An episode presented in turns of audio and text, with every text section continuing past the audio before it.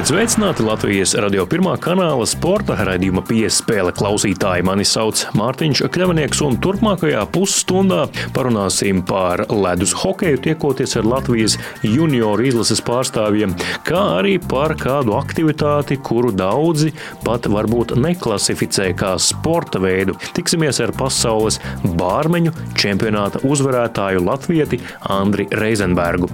Bet tas viss jau pēc pavisam īsa brīža.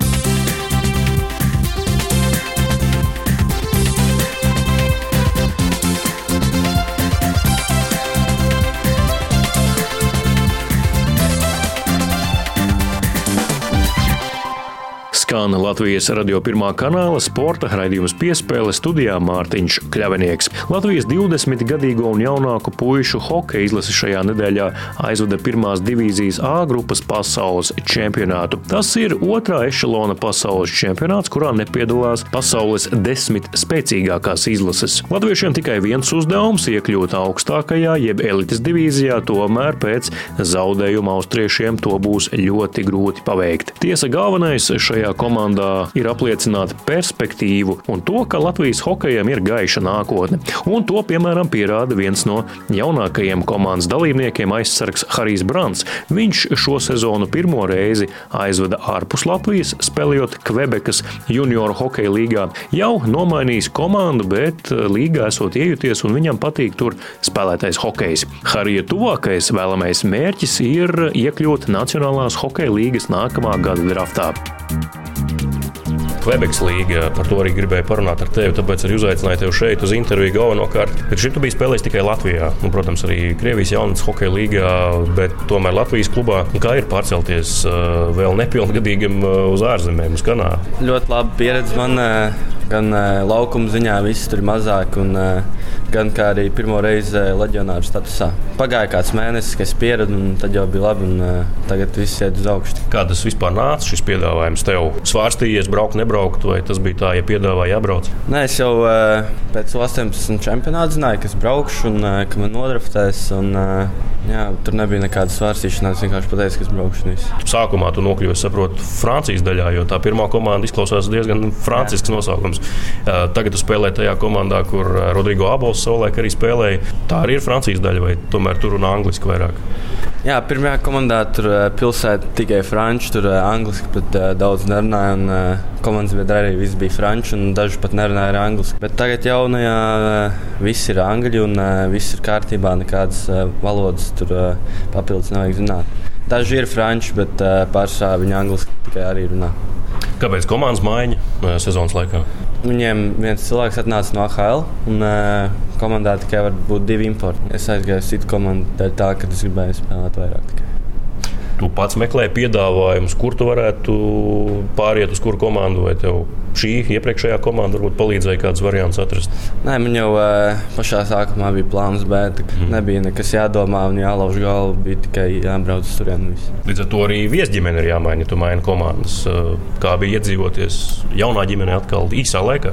Jā, nu, viesģimenē ir tā grūtāk, bet ja tu pirmo nedēļu padzīvo bišķiņu un, un, un, un pierod Tur arī palīdzēja man vecāki un draugi, kas atbrauca pie manis un, un, un bija uzcēlīti man uz augšu. Viss kārtībā. Rodrigo Abola atceras vēl Titan komandā. Protams, man uh, treneris par viņu stāstu un, un uh, ka viņš ir labs, jaudīgs čels. Ir, un, uh, jā, menedžers stāstīja. Un... Tad tev jāapliecina latviešu augstās hokeja kvalitātes. Protams, es cenšos. Jā. Rezultatīvitāte pietiekami laba jaunajā komandā, tev kā aizsargam, kā tu esi iejuties uz, kā jau teicu, maziem laukumiem. Pirmajā komandā man bija lielais šitais Eiropas laukums. Tāpēc, mm. Sākumā es uz lielā spēlēju, bet tagad man mājas laukums ir Kanādas izmēra mazai. Es pieredzu, man, man tas nesagādā bagās problēmas. Man, sagādā tikai tas, ka viņi vairāk skrien un, un eh, tas tā viss spēlē intensīvāk. Jā, nu, tu skaidrs, ka līdz šim esi spēlējis tikai jauniešu junioru hokeju, bet uh, Rodrigo Abols teica par Quebekas līgu, nu, ka tur vispār junior līgas, vai nu no VHL vai Quebekas līga. To sistēmu ir maz. Tur ir tie individuālie, kur var pavilkt komandu, kur sakrāt punktus, var, un tad pārējie klavieru nesēji, kā ir tajā tavā, piemēram, šobrīd konkrētajā komandā? Jā, tur ir tā, tur ir daži, kas ir parakstījuši līgumus, reāli tie ir vairāk pavalki, bet uh, es domāju, ka tagad viss mainās un, un, un tagad mums ir sistēmas un uh, aizsardzības zona, uzbrukuma zona, kā mēs sagaidām. Mm. Nav tā vairāk. Klau, tu par laukumiem minēji viens lielais, viens mazais. Tas nozīmē, ka Kvebekas līnijas ietvaros jūs spēlējat uz dažādu izmēru laukumiem. Cik tādu izmēru vispār ir? Pa lielam Kanādā man, tā, man šķiet tikai viens tas lielais laukums. Nu, visā Quebekas līgā. Tad trāpīja. Jā, jā, jā, jā, bet pārējās visās ir mazie laukumi un uh, tas vienīgais lielais ir. Kāds ir tavs virsmērķis braucot uz Quebekas līgu? Tas ir jau uzreiz profesionālais ceļš. Tu varētu izvēlēties koledžu vai tu pagaidām vēl nezini? Es varu izvēlēties, bet tur ir uh, Kanādas koledža. Amerikas es nevaru izvēlēties, tam man bija jābrauc uz Ameriku. Un tagad tāds mērķis, lai man nodraftē. Un, uh, tas tas palielam tas lielākais mērķis. Skautu tribīnēs daudz, Quebekas līnijas spēlēs. Skauti ir daudz, jā, tur eh, netrūkst. Viņi, viņi skatās. Un, un... Ar zvaniem interesi nākšanu klāt ir bijusi kāda saskara tev konkrēti. Jā, ir eh, e-pasta sūtīti, ir nākt klāt. Nav zvanīts, bet ir caur treneru teikt. Tas droši vien tā kā ar viltus ziņām, apmēram, ir jāizvērtē, kuram tā interese ir tiešām nopietna un leģitīma, un kurš ir varbūt vienkārši tāpat jā, uzrakstījis. Jā, protams, bet plānām tas ir aģenta darbs. Tur. Mm. Tur uh, aģentam jāzina un, un viņam jāiesaka, kas labā. Tev ir savs aģents. Jā. Kas viņš ir? Viņš no Baltkrievijas. Līdz šim tu ar viņa izdarīto esi apmierināts? Jā, es esmu apmierināts. Viņš man uh, dabūja piedāvājumu no Quebekas līnijas un uh, jā, samierināts. Viņš bija tāds motivators, ka es arī gribu būt tur, kur ir viņš un darīt to, ko viņš dara. Ir jāceļās, jāmāk piecelties un parādīt savu sniegumu. Latvijas junioru hokeja izlases galvenais treneris jau vairākus gadus ir Kārlis Zirnis, kurš šo sezonu jau otro gadu ir galvenā trenera palīgs Aļaskas Universitātes komandā Fairbanks, kura spēlē Nacionālās koledžu sporta asociācijas līgā ASV. Komandā ir arī pieci Latvijas hokeisti, un viņu nokļūšana šajā komandā ir tieši Kāļa Zirņa nopelns. Kāds ir darbs ASV koledžu hokeja komandā un kādas ir trenera nākotnes perspektīvas par to visu saruna ar Kārli Zirni. Kārli, nu, saka jau, ka cilvēks ar laiku pierod pie visa, pielāgojas, pierod pie aļas, kas var pierast ar laiku. Jā, Aļaska man ļoti patīk. Jā. Es nezinu, domas ir, ka Aļaskā ir tumsa visu laiku un milzīgais augstums. Tur vasarā ir ļoti skaisti tur. Un ziemā tas augstums ir pavisam savādāks nekā cilvēki varbūt ir iedomājušies. Viņš ir sausais un tad ir daudz, daudz patīkamāk. Kaut vai tev ir ālā mīnus 15, mīnus 20 grādi, viņš ir sauss un tu vari parastā jakā iet un cepurēt. Kā, nē, es esmu pieradis, man, man ļoti patīk sniegs, un ir daudz ko ārā lietas, ko tu vari darīt ārpus, ārpus darba. Ir, ir interesanti, un no lāčiem nav jābēg projām. Pienākumi komandā ir mainījušies, vai tu dari tieši to pašu, ko tu darīji pagājušajā gadā? Jā, diezgan tas pats, ko es darīju iepriekšējā gadā. Jāatbild par mazākumu un, protams, par spēlētāju atlasīšanu uz, uz nākamām sezonām, bet arī tajā pašā laikā kopā ar galveno treneru atbild par 5 uz 5 spēlēšanu, un tad cits treneris atbild par vairāk. Pa lielam ir tie paši, varbūt kapeiku vairāk. Esmu apmierināts ar to, ka puikas no Latvijas 5 spēlē pie manis, un uh, visi ir apmierināti ar viņiem. Un, uh, universitāte ir apmierināta ar, ar, ar viņiem. Pat universitāte man bija piedāvājusi, vai Latvijas universitāte negribētu būt tā kā Anglijas saucās Sister City, sadarboties universitātes kopā, kad uh, nu, vairāk latviešu vai arī amerikāņi tur no Aļaskas, kas gribētu apmeklēt Latviju. Tā kā viņi grib izveidot kaut ko tādu. Kārlis Zirnis tur ir iedarbinājis tādu nevis tikai hokeja savstarpēju apmaiņas riteni, bet arī izglītības varbūt apmaiņas kaut kādu programmu uzsācis.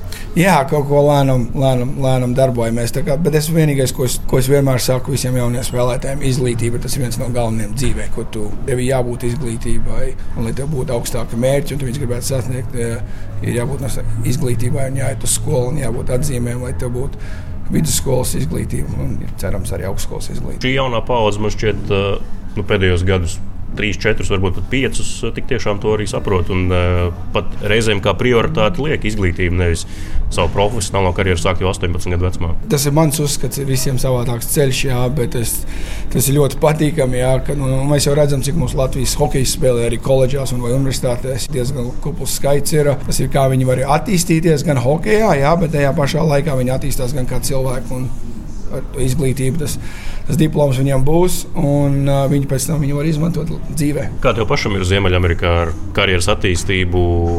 Bija junior līgā, Tur pacēla arī kausu, tagad universitāte. Pie Teda Nolana varēja strādāt Buffalo Sabres, bet tomēr uh, drusciņi, drusciņi par īsu bija. Kaut kādi piedāvājumi no augstāka līmeņa, profesionālā ir bijuši, kas tevi vilināja. Jā, ir bijuši īstenībā līnijas galvenie treneru piedāvājumi, bet es uzskatīju, ka koledžā man patīk koledžas variants, vairāk simpatizēju, vairāk. Jāskatās, ir bijušas pārunas ar AHL komandām par asistentu. Ja AHL komanda saka, nāc pie mums par palīgu galvenajiem treneriem, tad tu teiktu, jā. Jā, jā, jo tāpēc es uz intervijām gāju ar AHL komandām tikai tāpēc, ka es biju interesēts. Komandu vai komandas paturēs noslēpumā?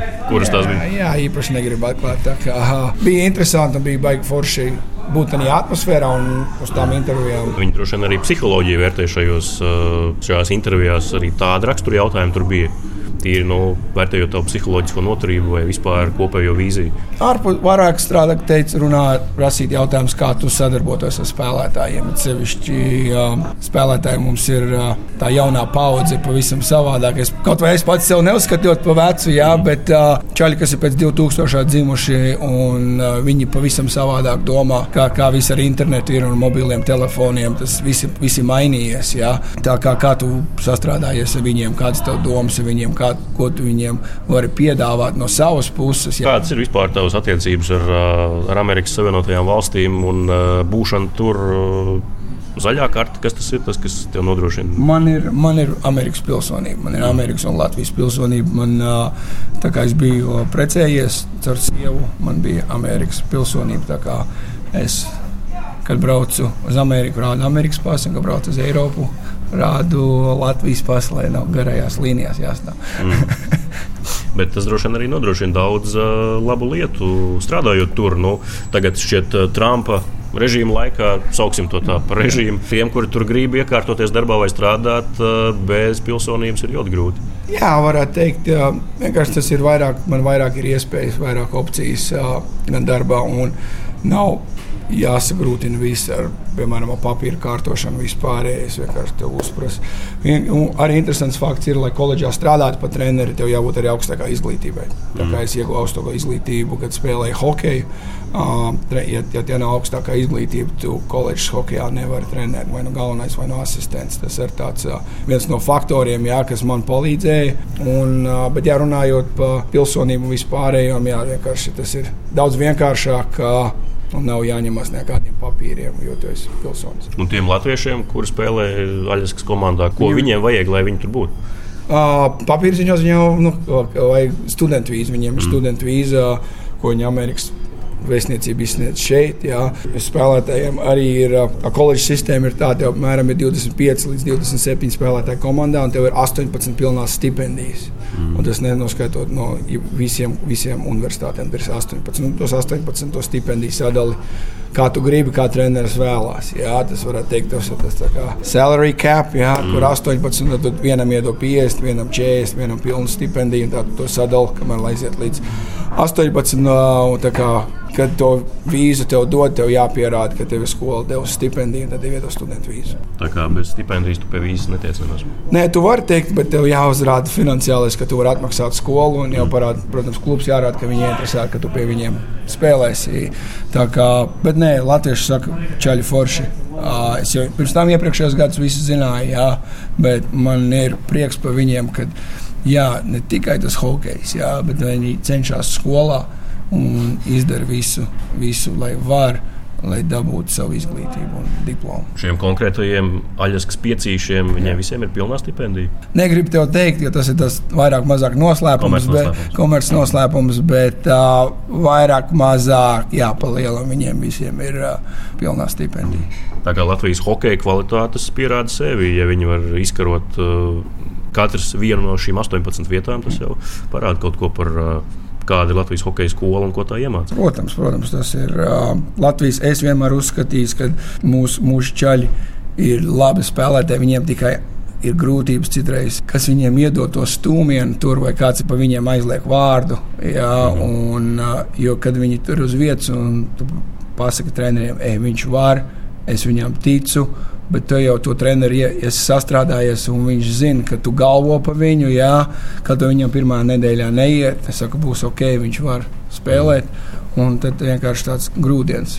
Viņam drusku palīdzību, citiem vajadzīga. Citiem nē, viņi uzreiz sāk labi spēlēt un sev parādīt gan nometnēs, jā, tās trajot nometnēs. Bet ir bijuši ķēļi, kur uh, varbūt treneris man zvana, un nu, viņš ne, nevar. Es saku, nu, pagaidi sekundi, iedod vēl viņam iespēju, un tad beigās viss sanāk. Jā, jau galu galā viņi atbraukuši no Latvijas, un nu, tā ir cita kultūra, vide, un arī jāpierod pie būšanas tur. Jā, tas ir process. Tas ir, tas ir process, un es domāju, arī piemēram, Elsmers Likens redz, tas ir process, jā, pie, kā, pie kura jāpierod. Jā. Vienkārši junior līgās tev citreiz nedod to iespēju pierast. Jā, tev nav kontrakts, mm. nekā tev nav. Tev vienkārši jāierodās uz nometni, sev jāparāda no labās puses, un tu varbūt tajā nedēļā vai divās neesi vēl pieredzējis pie laukuma, vai ēšanas, pie vienalga bija tajā pie laika maiņas un vispārējais. Tev no tiem uzreiz prasa A plus spēli. Tev varbūt viņas nav, un tur tāpēc ir tas, ka jāpalīdz viņiem, tiem ceļiem, un jā, jāpasaka, jāpasaka treneriem, ja viņš var, viņš, viņš māks spēlēt, iedod viņam drusku vairāk laika, viņš pieradīs, un vienkārši tas nedaudz grūdienis. Tajā brīdī es biju labākais pasaulē. Visas pirmās vietas ir līdzvērtīgas zeltam. Spēlētājiem gadās slikts, labs spēles sērijas, bet ir jāceļās, jāmāk piecelties un parādīt savu sniegumu.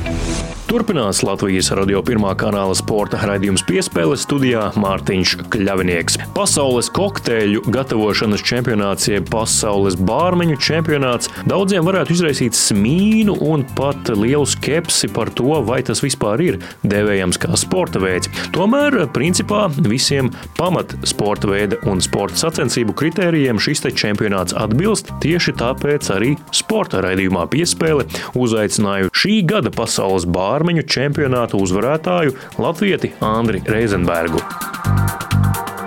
Ja reiz ir pasaules čempionāts, kurš turklāt norisinās kopš 1955. gada, ir sava asociācija, kas rīko šo čempionātu, ir pietiekami liels dalībnieku skaits un dažādu valstu pārstāvniecību skaits, un Latvijas ir kļuvusi par pasaules čempionu šajā gadā, tad par to ir vērts runāt, jo Šajā čempionātā ir gan sāncensība, gan tiesnešu subjektīvā vērtēšana, laika kontrole.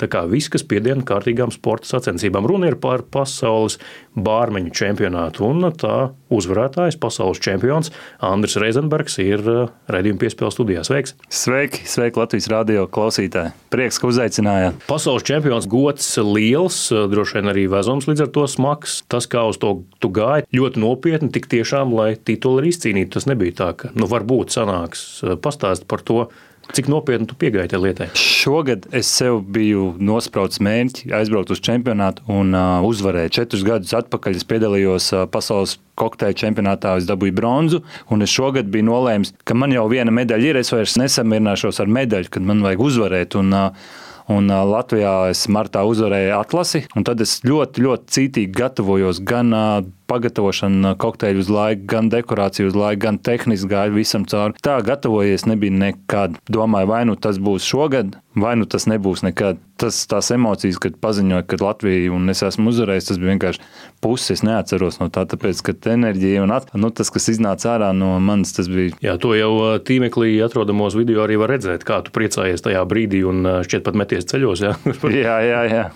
Tā kā karoks, karoks plīvoja. Plīvo tas, ceļos un tas bija, nu, tas bija, tas bija neaizmirstams moments. Bet sākumā nospraudīsim robežas. Es jau teicu ievadā, ka daudz varētu apstrīdēt to, ka tu esi tagad pasaules čempions kādā sporta veidā, bet, eh, nu, teiksim tā, nu, ja zem termina sporta veids eh, vai sporta sacensības kvalificējas eh, sāncensība, nu, bieži vien arī laika kontrole vai kaut kāda cita izvērtēšana pēc kritērijiem, tad tas viss šajā čempionātā ir arī konkurence pietiekami liela. Tu to sauktu par sporta veidu? Es neesmu vienmēr baigi salīdzinājis, vai tas ir sports vai tas nav. Mēs bārmeņi savā starpā runājam, ka kādreiz uh, ir sevišķi tas sporta veids, kas ir uh, flare, bārmeņu flare kategorija. Tā ir tā, kur mētā pudeles un bārmenis mm. ir uh, vienkārši bez elpas, nostartējot, ja tur 10, 7 minūtes. Tas varbūt ir vairāk kā sports, jo viņš fiziski, viņš ikdienā iet uz trenējās, un to es uh, uzskatītu par sportu. Bet uh, mana kategorija, kas ir klasika, kas ir uh, precīzi pagatavošana, uh, prezentācija, skaists dekors, uh, manija manieres un tā tālāk. Savā ziņā viņš ir sports. Tikpat labi es tagad arī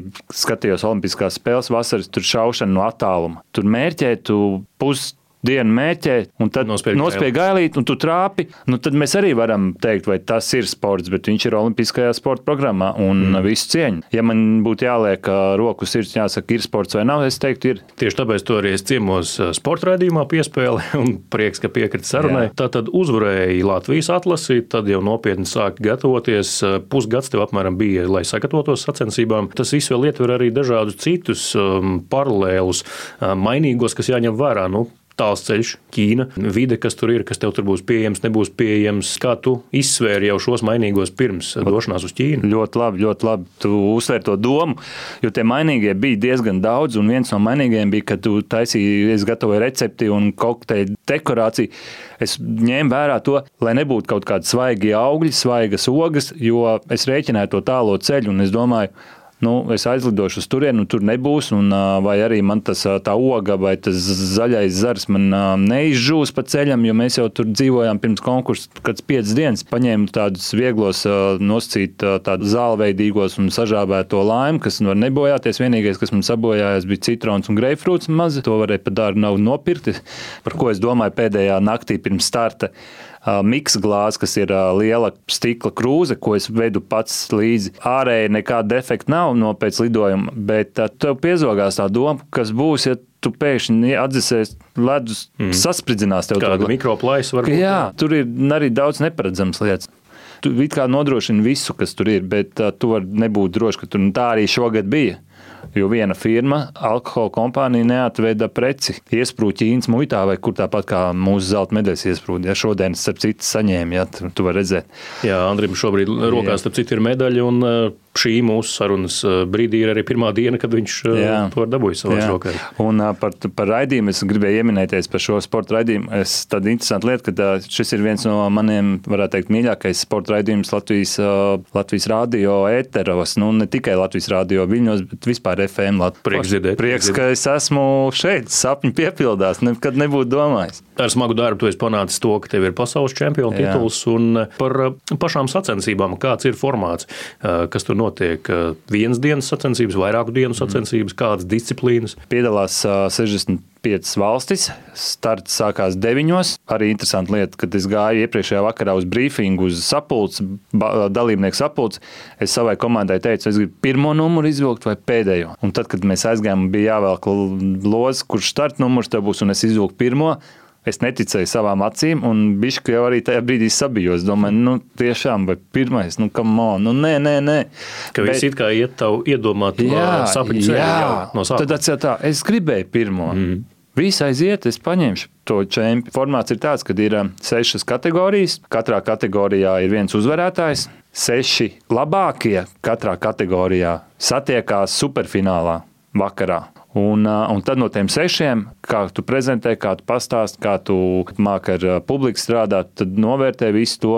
Tad no tiem sešiem ir viens uzvarētājs, viens super uzvarētājs, pasaules gada bārmenis tajā nu, šogad. Un tavs kokteils ir numur viens pasaulē. Tu vari taisīt labus dzērienus, tu vari būt uh, virtuos uh, visu dekorāciju um, izveidē un ledus iebēršanā glāzē, bet, uh, ja tu neesi pietiekami iznesīgs, komunikabls, sevi pasniegt varošs, tad tas tomēr tev ir mīnus. Protams, protams, ir jābūt arī tādam cilvēkam, kurš māca pastāvēt par sevi, komunicēt, būt draudzīgam. Un to jau žūrī kaut kādā ziņā tas nav punktos minēts pie mīnusiem vai pie plusiem, bet ja būs divi cilvēki ar vienādiem punktu skaitiem un vienādiem garšīgiem kokteļiem, protams, ka viņi dos uzvarētāju tam, kurš māca varbūt iedvesmot nākotnē. Mm. Finālā, superfinālā bija arī meitene no Singapūras. Es negribu samaloties, bet no Singapūras laikam. Tiešām septiņu minūšu laikā viņi nevienu vārdu neizdevīs superfinālā.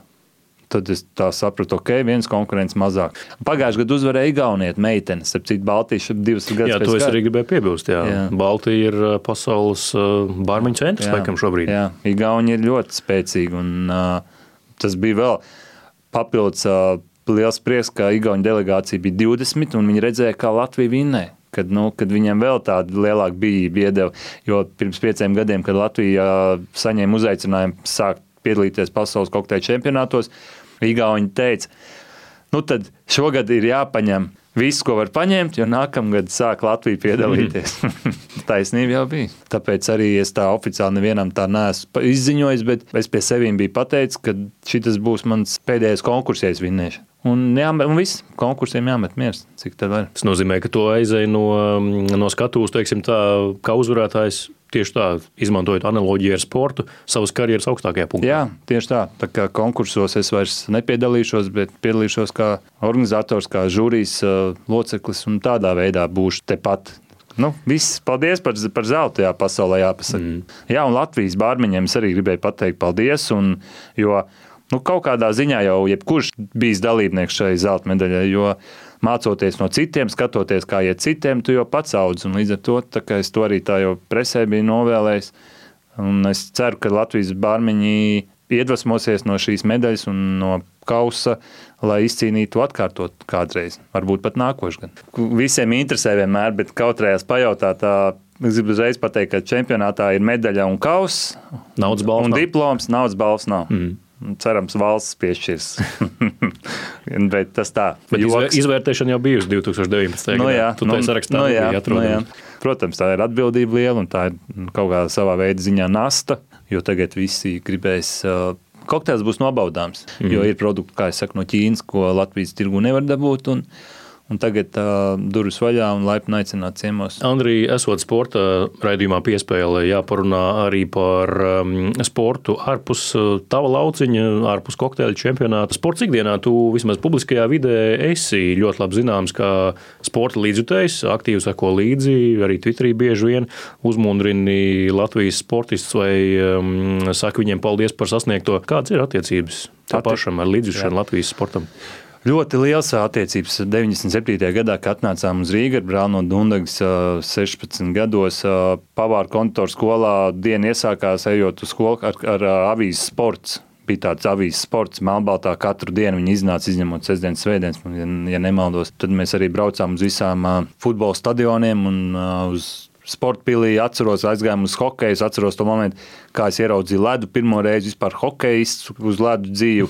Un tā aizsākās, jā, un arī 99. gadā es pirmo reizi braucu uz 17 gados uz hokeja čempionātu. Pārdzīvoju, lasīju sporta avīzē, tur pavasarī netiks, tur Grigorijs Pančļējos netiks, tur, tas, tam tur ir playoffs, Irbem ir aizkavējies tālu tikuši.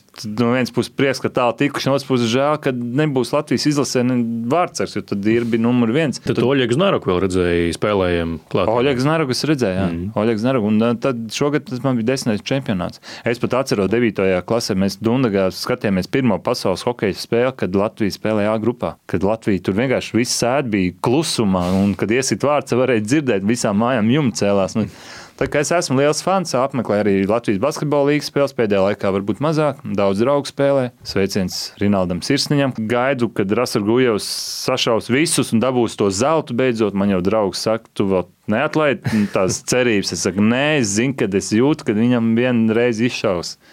Un tad aizies viss. Man prieks, ka viņš arī nepadodas. Jo arī zinot to emociju stāvokli, piemēram, ja es nu, nevinētu, Es nezinu, vai es būtu gatavs tagad braukt tuvākajā laikā, pārstāvēt, nu, ja es vinnētu Latvijā. Nu, tur, tāpēc arī tas sporta tā spriedze ir baigā lielā.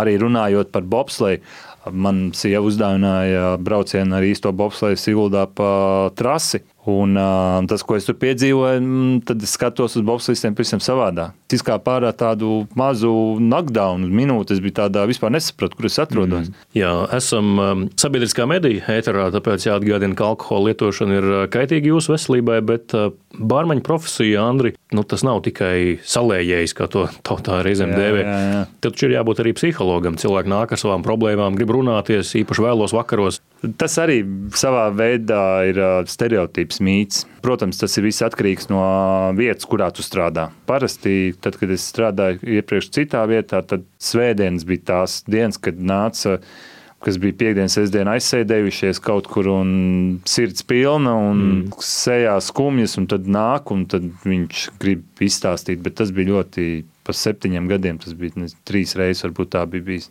Mm. Tā kā nav tik traki. Protams, cilvēks grib parunāties par jebkādām lietām, ne tikai izskatīt sirdi. Protams, ir jābūt, ir jājūt, vai viņš vēlās ar tevi runāt, vai viņš nevēlās. Un tu nevari iet un uzbāzties. Nu. Dzirēs ir problēma, kad viesis nejūt to mēru citreiz. Ja? Kad viņš visu laiku grib runāt, runāt, bet tev ir arī tik daudz lietas, ka tu neesi tikai salējies. Tev ir daudz dažādas lietas galvā, kas jāpaspēj izdarīt. Mm. Pamēģiniet vienu dienu, redzēsiet. Andris Reizenbergs, pasaules bārmeņu čempionāta uzvarētājs, pasaules čempions studijā šeit Latvijas radio pirmā kanāla sporta raidījumā piespēlē. Tā kā paldies, Andri, ka atnāci šodien uz Latvijas radio. Man bija ļoti liels prieks, un es vienkārši nekad, ja man teikt, ka es būšu raidījumā piespēle kādreiz, nu es neticētu. Tā kā paldies jums visiem un paldies klausītājiem! Ar to arī izskan Latvijas radio pirmā kanāla sporta raidījums piespēle. To veidoja un vadīja Mārtiņš Kļavnieks par labskaņu parūpējās Nora Mītspapa uz sadzirdēšanos.